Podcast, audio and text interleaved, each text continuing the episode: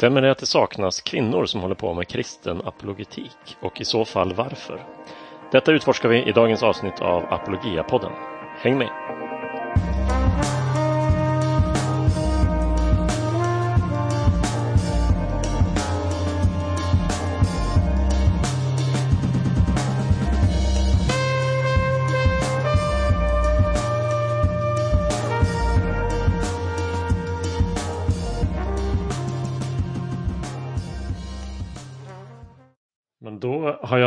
Stora nöjet att eh, välkomna Heidi Morse och Emelie Rynningsjö till Apologia-podden. Tack så mycket. Tack. Hej och välkomna hit. Eh, Jag eh, skulle vilja börja med att be er innan vi kommer in, till, eh, in på, på dagens ämne som handlar om eh, kvinnliga apologeter, att ni skulle få ta och presentera er. Så eh, kan inte ni berätta någonting om er själva och kanske någonting om vilken roll apologetiken har spelat eh, i era liv och i utvecklingen av er tro. Eh, vill du börja Emily? Ja, eh, jag heter Emelie så och är 36 år gammal. Jag Är född och uppvuxen i Täby men bor numera i Jönköping då med min man sedan eh, tio år tillbaka ungefär. Och idag jobbar jag inom en statlig myndighet sedan ett antal år tillbaka. Och jag kom i kontakt med apologetik när jag gick bibelskolan Credoakademin som är apologias föregångare kan man väl säga. Då. Ja, jag har hört talas om den där bibelskolan Ja, och själv varit var- student där. Ja, precis. Och det här var alltså 2007 till 2008. Mm. Och eh, jag hade ju aldrig hört talas om apologetik innan, men det var ju som att en, en ny värld liksom öppnade sig, kan man säga. Det var en väldigt efterlängtad pusselbit och något som också gav mig väldigt mycket mer smak. Mm. Vad roligt. Tack Emily. Heidi, vem är du? Ja, eh, jag heter Heidi. Är, ehm, eh, ja, min bakgrund är att jag är psykolog ehm, och eh, jobbar just nu som doktorand på universitetet i Linköping eh, i psykologi, forskar där och undervisar. Eh, och jag blev kristen ungefär fyra och ett halvt år sedan. Eh, har en kulturell kristen bakgrund inom ortodox och katolsk kyrka, men det har inte varit särskilt aktivt. Eh, och när jag började plugga psykolog så kom jag bort från tron och blev agnostiker och började röra mig mot new age-hållet. Och samma veva så blev min äldre bror kristen, så det resulterade i mycket diskussioner. Och eh, kort därefter så började jag träffa en eh, tjej som var kristen. Och eh, vi diskuterade tro väldigt mycket. Och redan där så tänkte jag att jag vill bara tro ifall det är sant. Mm. Eh, Så redan där så ville jag ha bevis för om det var om kristendomen var sann eh, och inte ville bygga någonting på en blind tro. Så apologetiken blev viktig innan, innan jag ens var kristen och sen så har jag fortsatt varit intresserad därefter. Mm, vad roligt. Tack. Ehm, så apologetiken har, har då spelat en viktig roll för er som eh, eh, mottagare av den. Ni har eh, behövt den, eh, som jag förstår, som ni har berättat för mig, eh, för att växa i er egen tro. Men ni har ju båda också engagerat er sen i apologetik på olika sätt. Kan ni berätta hur? Jag, jag var med från början när det som heter Svenska apologetiksällskapet bildades. Då. Och det var ju en, eller det är ju fortfarande en stor Facebookgrupp där man har väldigt mycket utbyte eh, kristna emellan kan man ju säga. För det är ju, eh, det är medlemmar då som är kristna och som är intresserade av apologetik och där man för liksom en slags eh, en debatt eh, eller liksom kring frågor som man kan behöva få hjälp med och brottas med för att sedan liksom ha egna samtal utåt sett kan man säga. Och ehm, ja, både jag och Heidi är ju med i styrelsen där så att, vi är ju verksamma tillsammans i SAS. Mm. Vad roligt. Eh, som jag sa till er innan vi startade inspelning så har jag ganska nyligen eh, först gått med i den här gruppen och det är kul att se alla samtal som händer där och det är en, det är en resurs som eh, ni lyssnare verkligen också kan känna till, Svenska Apologetiksällskapet. För där kan man få konkret coachning inför olika typer av samtal och frågor man möter. Ehm, men skulle ni då själva kalla er apologeter? Vad säger du Heidi? Ja, det beror på om det finns en definition för vad en apologet är. Ehm, jag är definitivt intresserad av apologetik och jag skulle eh, åtminstone kalla mig en kristen som tycker att apologetik är viktigt. Eh, och ehm, viktigt både i min, liksom, mitt, mitt kristna liv och i mitt lärjungaskap och eh, ja, men kopplat även till missionsbefallningen. Men jag har ju ingen formell utbildning varken inom teologi eller apologetik eh, så jag har ju inte jag har ingen teoretisk bakgrund mer än där jag har snappat upp från böcker och eh, föreläsningar och så vidare. Eh, men eh, vissa har väl kallat mig apolet. Jag vet inte vad jag själv skulle kalla mig där, men eh, apolitik är i alla fall viktigt. Mm. Hur tänker du, Emily kring dig? Brukar du ja, använda den titeln? Jag skulle svara hopplöst passionerad av apologetik i alla fall. Och jag känner som Heidi, jag vet inte definitionen, om det handlar om att man liksom aktivt och i någon utsträckning förklarar och försvarar evangeliet på den kristna tron. Så då kan man väl passa in där. Men jag är själv inte jätteintresserad av titlar sådär, så det viktigaste är ändå att man får vara aktiv och verksam på något sätt när det gäller apologetik känner jag.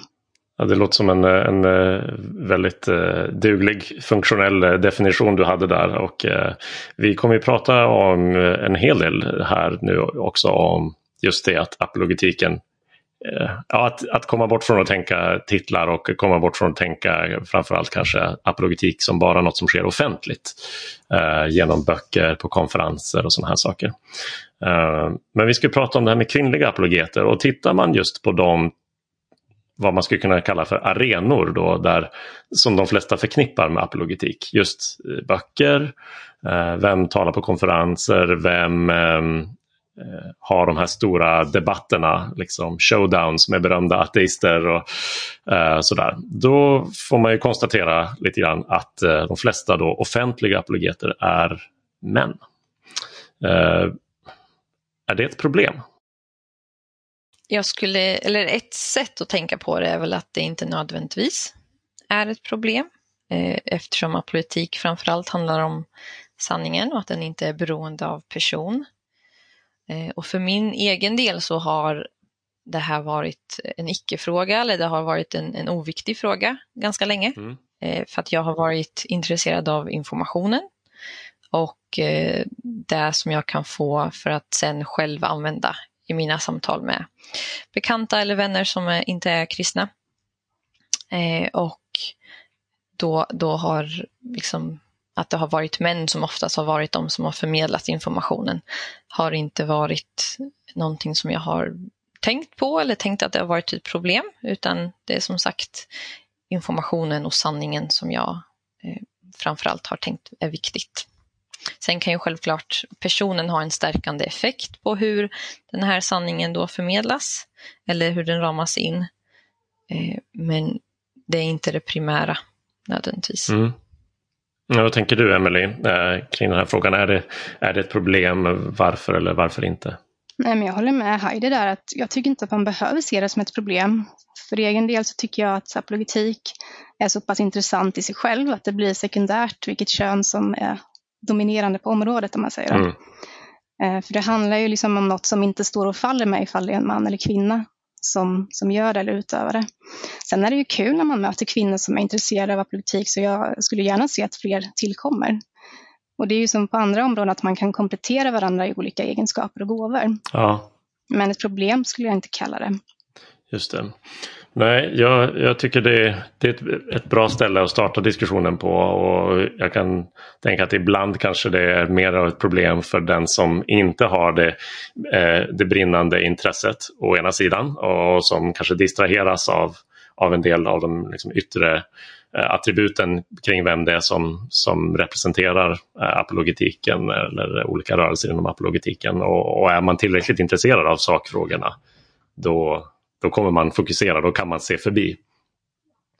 Eh, samtidigt tänker jag väl också att eh, som ni eh, eh som du kanske eh, var inne på här lite grann Emelie, att, eh, att eh, personen är ju ändå intressant eh, när det kommer till att kommunicera kristen tro. Eh, kristen tro eh, är någonting som rör hela personen och när, man, eh, när en människa kommer till tro så, så behövs både den intellektuella biten behöver liksom falla på plats, att man ser att den är sann. Men ofta är det också en faktor om man kan relatera till personen som utgör liksom kontakten med kristen tro. Kan man på något sätt se sig själv i, i honom eller henne och då, då kan ju Eh, Eh, en sån sak som personens kön faktiskt var relevant. Och, och kanske kan eh, Kanske kan det skapa eh, problem för oss som verkligen är engagerade och, och brinner för apologetik ifall det uppfattas som en ensidigt eh, manlig rörelse eller angelägenhet. Vad tänker ni om det?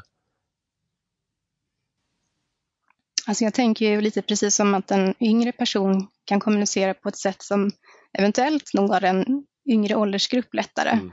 Så kan det ju finnas en poäng med att kvinnliga apologeter kan nå andra målgrupper än vad män gör. Men jag tycker inte att man nödvändigtvis måste fastna i att det alltid behöver vara så. Nej. Utan snarare se det som en resurs och som ett sätt av många när det gäller kommunikation att just försöka matcha sändare och mottagare som det ju handlar om. Precis. Mm. Jag tänker att man utgår ju eventuellt från ett antagande om att män tenderar att nå ut till andra män och att kvinnor når ut till andra kvinnor eller att, att kvinnor dras till andra kvinnor. Eh, och om, om det antagandet är sant så kan det ju vara så att eh, kvinnor då inte blir lika intresserade av apolitik eller att de inte lyssnar till det eller tar till sig den informationen.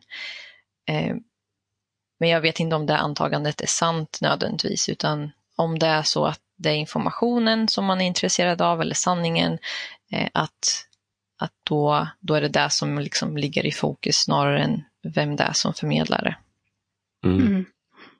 Nej, och kristen, den kristna trons historia är ju om något ett vittnesbörd om att gränser eh, av alla möjliga slag går att övervinna. Det är en, en tro som har översatts till alla möjliga språk och kulturella grupper och, och antagit olika former. Så jag tänker också att det handlar väldigt mycket snarare om ansträngningen som den som vill kommunicera kristen tro är beredd att göra för åhörarens skull.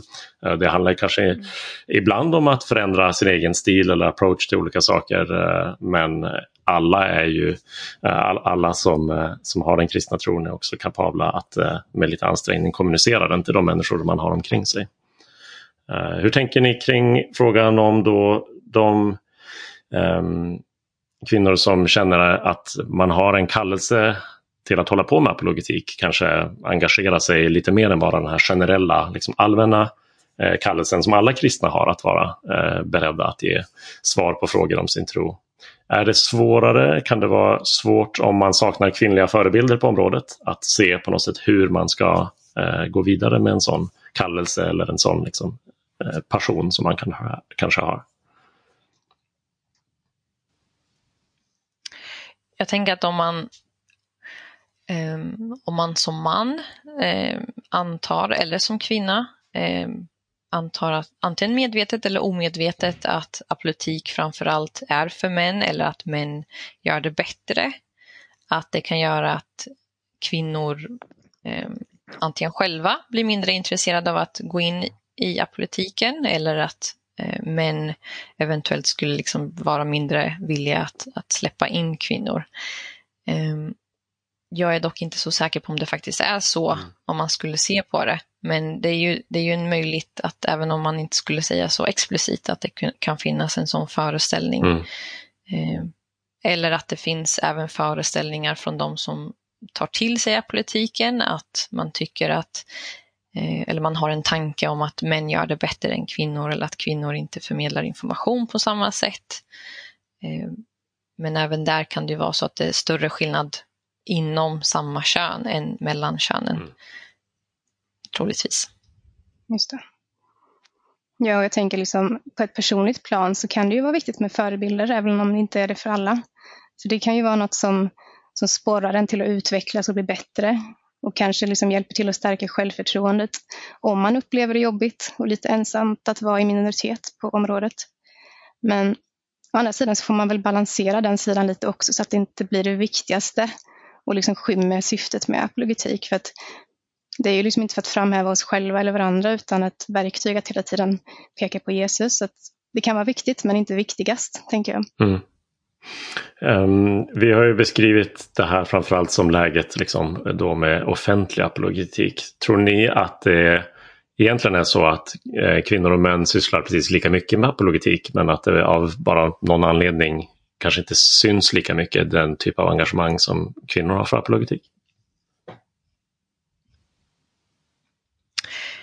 Jag tänker om, om vi kollar på eh, SAS, alltså Svenska Politiksällskapets ja. grupp, mm. så kan man ju ändå se, tycker jag, att det finns en större andel män som är delaktiga i diskussionerna eh, och att ge svar. Eh, men det behöver ju inte betyda att det nödvändigtvis ser ut så i vardagen för alla. Att eh, det kan vara så att man tar till sig informationen och så, så försöker man liksom med sina bekanta eller vänner eller familjemedlemmar att ge svar för sin tro. Ehm, men att, att det verkar ändå som att det finns eventuellt en skillnad i intresse om man åtminstone kollar, kollar i SAS-gruppen. Då. Eh, men jag vet ju också att det finns många kvinnor som tycker att, det, att, de, att de tycker det är viktigt och att de också har sådana typer av diskussioner med sina bekanta. Mm. Men inte offentligt. Just det. Ja, jag tänker, jag vet inte hur uppdelningen ser ut när det gäller liksom evangelisation och så, om det är något jämnare där. Men jag tänka mig att det är många kvinnor som liksom sysslar med apologetik utan att de kanske sätter det, etiketten på det eller ens känner till att det är apologetik. Ja, eftersom mm. det hör ihop så mycket med evangelisation. Mm. Så det finns nog, liksom, om man ska säga, ett mörkertal där kanske på det sättet. Då. Fast i, i den tänka. bästa betydelsen av ordet mörkertal verkligen. Precis. Ja, nej, men det tror jag du är helt rätt i. Uh, tror jag är helt rätt i. Uh, någonstans vi som är uh, intresserade av engagerad apologetik vet ju egentligen om att alla håller på med det vare sig de vet om det eller inte. Och, och då menar jag inte ens bara alla kristna utan alla motiverar ju för sig själva sina övertygelser och svar på olika frågor. Uh, så det är ju något av det mest universellt mänskliga som finns. Att vi söker mm. mening och argument och sanning uh, um, i, i våra liv. Men vi skulle alla vilja uppmuntra eh, kvinnor att engagera sig i apologetik. Och män också eh, naturligtvis. Vi skulle vilja se, för eh, vi, har, vi har en gemensam, överty gemensamma övertygelsen om att apologetik är ett, ett stort behov idag i, i, vårt samhälle och i den svenska kristenheten. Om vi pratar specifikt om att, eh, att uppmuntra kvinnor att engagera sig i apologetik, eh, hur tror ni att vi kan göra det på ett, på ett bra sätt, på ett bättre sätt än vi kanske har gjort hittills i, i kyrkan? Alltså jag skulle vilja spinna vidare lite på det här med att um, apologetik kanske inte behöver vara så, så ensidigt som man kanske föreställer det, utan om vi är bättre på att belysa att det finns olika sätt att verka inom apologetiken, för att alla är till exempel inte jättesugna på att stå i offentliga debatter, eller så, och det är ju helt okej. Okay. Men det kan ju verka liksom avskräcka om det tycks vara enda rollen att fungera i inom apologetik. Och att sätta sig in i apologetik, det kan ju vara något som verkligen berikar ens tro och som gör att man blir mer frimodig av att dela med sig just av de goda skäl som finns för den kristna tron. Och det kan ju vara något som sker i mindre sammanhang, men som är minst lika viktigt för det. Ja, precis. Jag tänker att, att syssla med apolitik innebär inte att man måste stå och debattera eller att man behöver vara en offentlig apologet, utan det kan vara viktigt eller värdefullt och framförallt användbart i kopplat till evangelisation eller missionsbefallningen eller sin eget liksom, lärjungaskap. Att både för sin, för sin egen skull, när man hamnar i tvivel till exempel, men också när andra personer runt omkring en har frågor eller funderingar. Varför tror du som du gör? Att kunna, kunna ge skäl till det. Mm. Mm. Så det handlar mycket om att bredda då förståelsen av vad apologetik är och var den är och var den behövs. Att den, den kan egentligen genomsyra eh, livet och, och ens relationer med eh, både med kristna som behöver hjälp att bearbeta olika saker då, eller, eller icke-kristna som har frågor. Um. Precis, och liksom visa på att den har en viktig roll både inom och utanför församlingen. I och med att man, liksom, man uppmuntrar och utrustar kristna med kunskaper och sen så får det vara verktyg för evangelisation utanför kyrkan. Mm. Ja, jag tänker att politiken ska ju inte ha sitt eget värde eller sin liksom egen verksamhet utan den behöver hela tiden vara kopplad till eh, ja, lärjungaskap till missionsbefallningen, att det är där den har sitt värde. Och då har den sitt värde när vi använder, använder den i våra relationer, i våra vardagssamtal eh, och får människor att närma sig Gud eller Jesus eller Bibeln. Mm. Jag tänker att många har kanske en missuppfattning av apologetik som, som liksom den nördigaste av andens gåvor. Eh, eller hur? Va? Att, det, att det handlar så mycket om att kunna apologetisk liksom, rådata eh, och, stapla eh, premisser och slutsatser mm. på varandra eller kunna rabbla olika typer av historiska fakta. Allt det ni säger här tycker jag är så bra för att det breddar, breddar det så mycket, gör det mycket mer praktiskt och, och relationellt och personligt. Känner ni igen den miss, eller tror ni att det, att det är så att många just tänker det som någonting väldigt nördigt? Ja, alltså med tanke på hur tungvrickande själva ordet är så är det inte konstigt att man tycker att det liksom låter väldigt akademiskt. Ja. Att man ja, kanske inte tilltalas av det. Man kanske tänker att det är något som bara gör att tron också blir snustorr och tråkig. Så att eh, visst kan det vara så. Mm. Sen finns det väl säkert den föreställningen också om att man tänker att politik går emot tron på något sätt. Att, eh, att man tror inte bara liksom, det som Jesus sa till Thomas, liksom, utan att eh, tänka att det finns någon motsättning mellan tro och att kunna ge skäl för sin tro. Ja, verkligen. Den, eh, den missuppfattningen mm. är tyvärr eh, alldeles för utbredd. Det ser vi fortfarande. Även om jag upplever att den kanske är på väg bort lite grann i takt med att människor upplever behovet av apologetik eh, just som en, som en naturlig del av ens tro. Eh, så som jag tycker att trenden är och har varit de senaste åren. Mm. Jag tänker också en annan sak är ju att, att apolitik är ju, eller vi har ju varit inne på det här lite grann, men det är ju en kristen angelägenhet att eh, vill man nå ut med evangeliet i Sverige eller i en sekulär värld eh, så är det någonting som varje kristen behöver så att det absolut inte är bara för män utan kvinnor minst lika mycket. Mm. Ehm, för att det är inte bara kopplat till män att, att nå ut med evangeliet. Verkligen inte. Precis. Nej, um, um, en av de eh, förebilder och en av de eh, mer kända kvinnliga apologeterna i världen, eh, Amy Orr Ewing, hon eh, skrev nyligen en artikel, eh, bara häromdagen kom den ut i Christianity Today och hon lyfte just fram där att tre av de centrala händelserna och liksom verkligen centrum i innehållet för vår tro. Inkarnationen, eh, försoningen på korset och uppståndelsen är, eh, är liksom eh, grunder i den kristna tron där kvinnor utgör de viktigaste källorna eh, i evangelierna. Det är Maria som eh, är den viktigaste källan om inkarnationen eh, och det är kvinnorna som stannade kvar med Jesus ända till hans död på korset som vittnar om det. Och också kvinnorna som är de, som är de första vittnena till uppståndelsen och som har, har, får den uppgiften att berätta det till och med före lärjungarna vet någonting. Så det är verkligen inte något som historiskt bara angått män, eh, utan det har varit från början så att, att eh, Gud har utvalt kvinnor till att, att eh, presentera, verkligen, jag kanske inte skulle kalla det argument, men att vittna om vad de har sett, om sina konkreta erfarenheter som ögonvittnen till, mm. till det viktigaste i tron. Mm.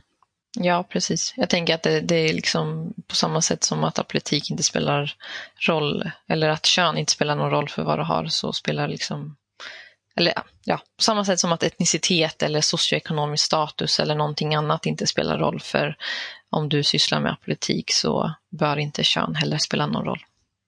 Just det. Mm. Jag tänker också att, att politiken kan ju ha en betydelse, eller har haft en betydelse personligen för mig, både i bibelläsningen, att den har kunnat framhäva vissa aspekter eh, och gett en djupare förståelse, till exempel om man tänker skapelsen och Kalamargumentet eller Jesus korsfästelse, uppståndelsen och att förstå hur många eh, detaljer som har liksom som sammanför att, att det verkligen pekar mot att det är sant.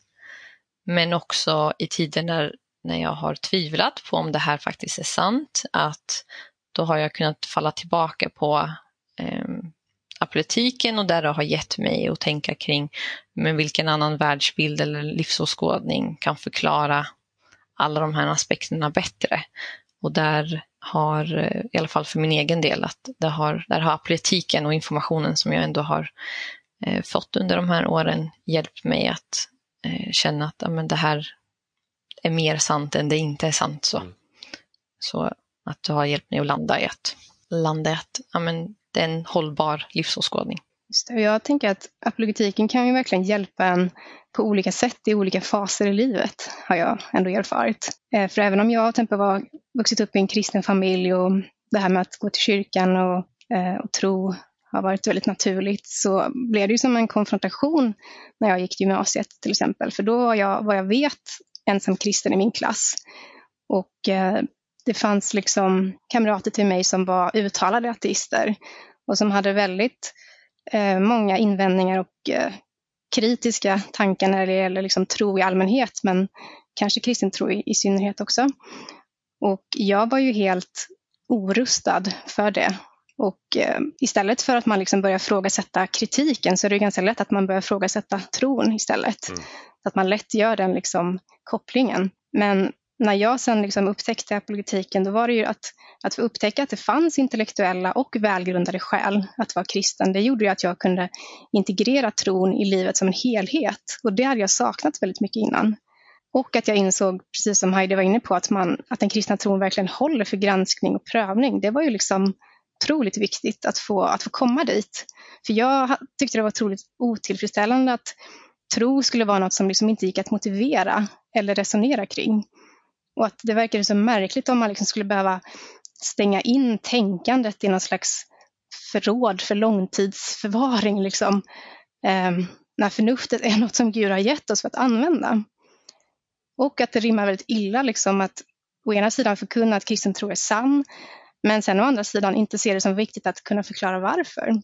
Ja, men verkligen, och eh, så mycket av det du säger Emelie är liksom låter som ekon av, av olika perioder i min, i min livshistoria också. Inte minst det här med att apologetiken hjälper oss integrera eh, den kristna tron i hela livet. Eh, just för att den eh, inte förutsätter ett ett specifikt internt kristet språk. Eh, och den, den liksom hjälper oss att göra det du också beskrev Heidi med att jämföra med olika livsåskådningar. För för apologetiken hjälper oss att liksom se kristen tro eh, sida vid sida med, med andra sätt att tänka och svara på, på livets stora frågor. Så ja, jag kan bara instämma eh, i, i att det har spelat samma roll i mitt eget liv. Men eh, jag skulle vilja höra då här mot slutet, vilka apologeter har varit viktiga inspirationskällor för er, eh, förebilder eh, eller sådär? På olika sätt. Och det kan ju såklart vara då eh, kvinnliga apologeter om det eh, om de har varit det eller, eller någon annan för den delen. Men vilka har varit era förebilder som ni har lärt er mycket av och kanske någon också som ni har tänkt att amen, det är så här jag vill låta när jag presenterar kristen tro eh, som den här personen. Ja, hela apologiateamet såklart. Nej, men eftersom jag introducerades via Creoakademin och då genom Stefan, Mats och Ray så har jag ju såklart mycket att tacka dem för. Men sen tycker jag att jag har haft stor behållning av så många som är duktiga och inspirerande fast på väldigt olika sätt. Så jag kan ju säga några då, till exempel att ja, men C.S. Lewis, um, Frank Turek tycker jag är bra, mm. William Lane Craig, Mike Licona, John Lennox, alltså det finns så många. Men jag kan säga att det är inte förrän ganska nyligen som jag har upptäckt eh, lite av kvinnliga apologeter. De har inte varit så närvarande tidigare i mitt liv, men mm har dykt upp liksom på senare tid. Är det några särskilda då som du har eh, stött på? Ja, jag tycker att eh, Amy Orr Ewing är en väldigt duktig apologet och hon är också doktor i teologi vid Oxford tror jag. Så hon är väldigt välutbildad. Men hon har en väldigt ödmjuk framtoning och är en väldigt bra kommunikatör. Och sen har hon ett särskilt hjärta för kristna ungdomar, att de ska bli intellektuellt rustade i sin tro. Och det, det håller jag med om att det är ju så viktigt. Eh, sen har jag upptäckt en kvinna, en amerikansk kvinna som heter Alisa Childers. Och hon har ett sånt fokus på sanningsfrågorna och är väldigt duktig på att förklara. Och bjuder oftast in olika personer till sin Youtube-kanal då, mm. som leder till intressanta samtal. Och kanske att man känner igen sig lite, för hon beskriver att hon själv växte upp i en kristen familj, men drabbades av starka tvivel när hon var i 30-årsåldern och visste inte var hon skulle hitta svar på sina frågor om tro. Men det ledde ju då till att hon började undersöka den här intellektuella sidan av tron och läste allt hon kom över. Och ja, det var hennes väg in i politiken. Då. Ja. Mm. Sen har vi en kvinna som heter Melissa Doherty och hon är intressant att lyssna på för att hon har varit väldigt involverad inom new age innan hon blev frälst. Så hon har otroligt mycket kunskaper inom det området och eh, ja, väldigt duktig på att bemöta de lärare som är florerar och inom new age. Så alla de tre tycker jag kompletterar varandra väldigt bra. Ja. Eh, för dig då Heidi? Jag skulle säga att eh, ungefär de männen som eh, Emily nämnde har varit viktiga för mig. The usual suspects. The usual. eh, så de, de, om man tänker att de har ju väldigt olika approach kan ja. man ju också se att här, Lennox mot Frank Turek har ju väldigt olika approach. Eh, men att båda kan ha bidragit väldigt mycket. Eh, och eh, ja, men även William Lane Craig och eh, ja, men de gamla, mm. de vanliga som, som du nämnde. Ja. Eh, sen för min del så har jag nog inte alls läst eller hört särskilt mycket från kvinnliga apologeter. Eh, jag har ju hört talas om vissa av dem, eller hört någonting väldigt kort, men ingenting så att jag har läst, eh, förutom eventuellt att jag började läsa en bok av eh, Rebecca McLaughlin mm. för ett tag sedan. Och det lilla jag läser tyckte jag verkligen mycket om, men jag har inte så jättemycket koll.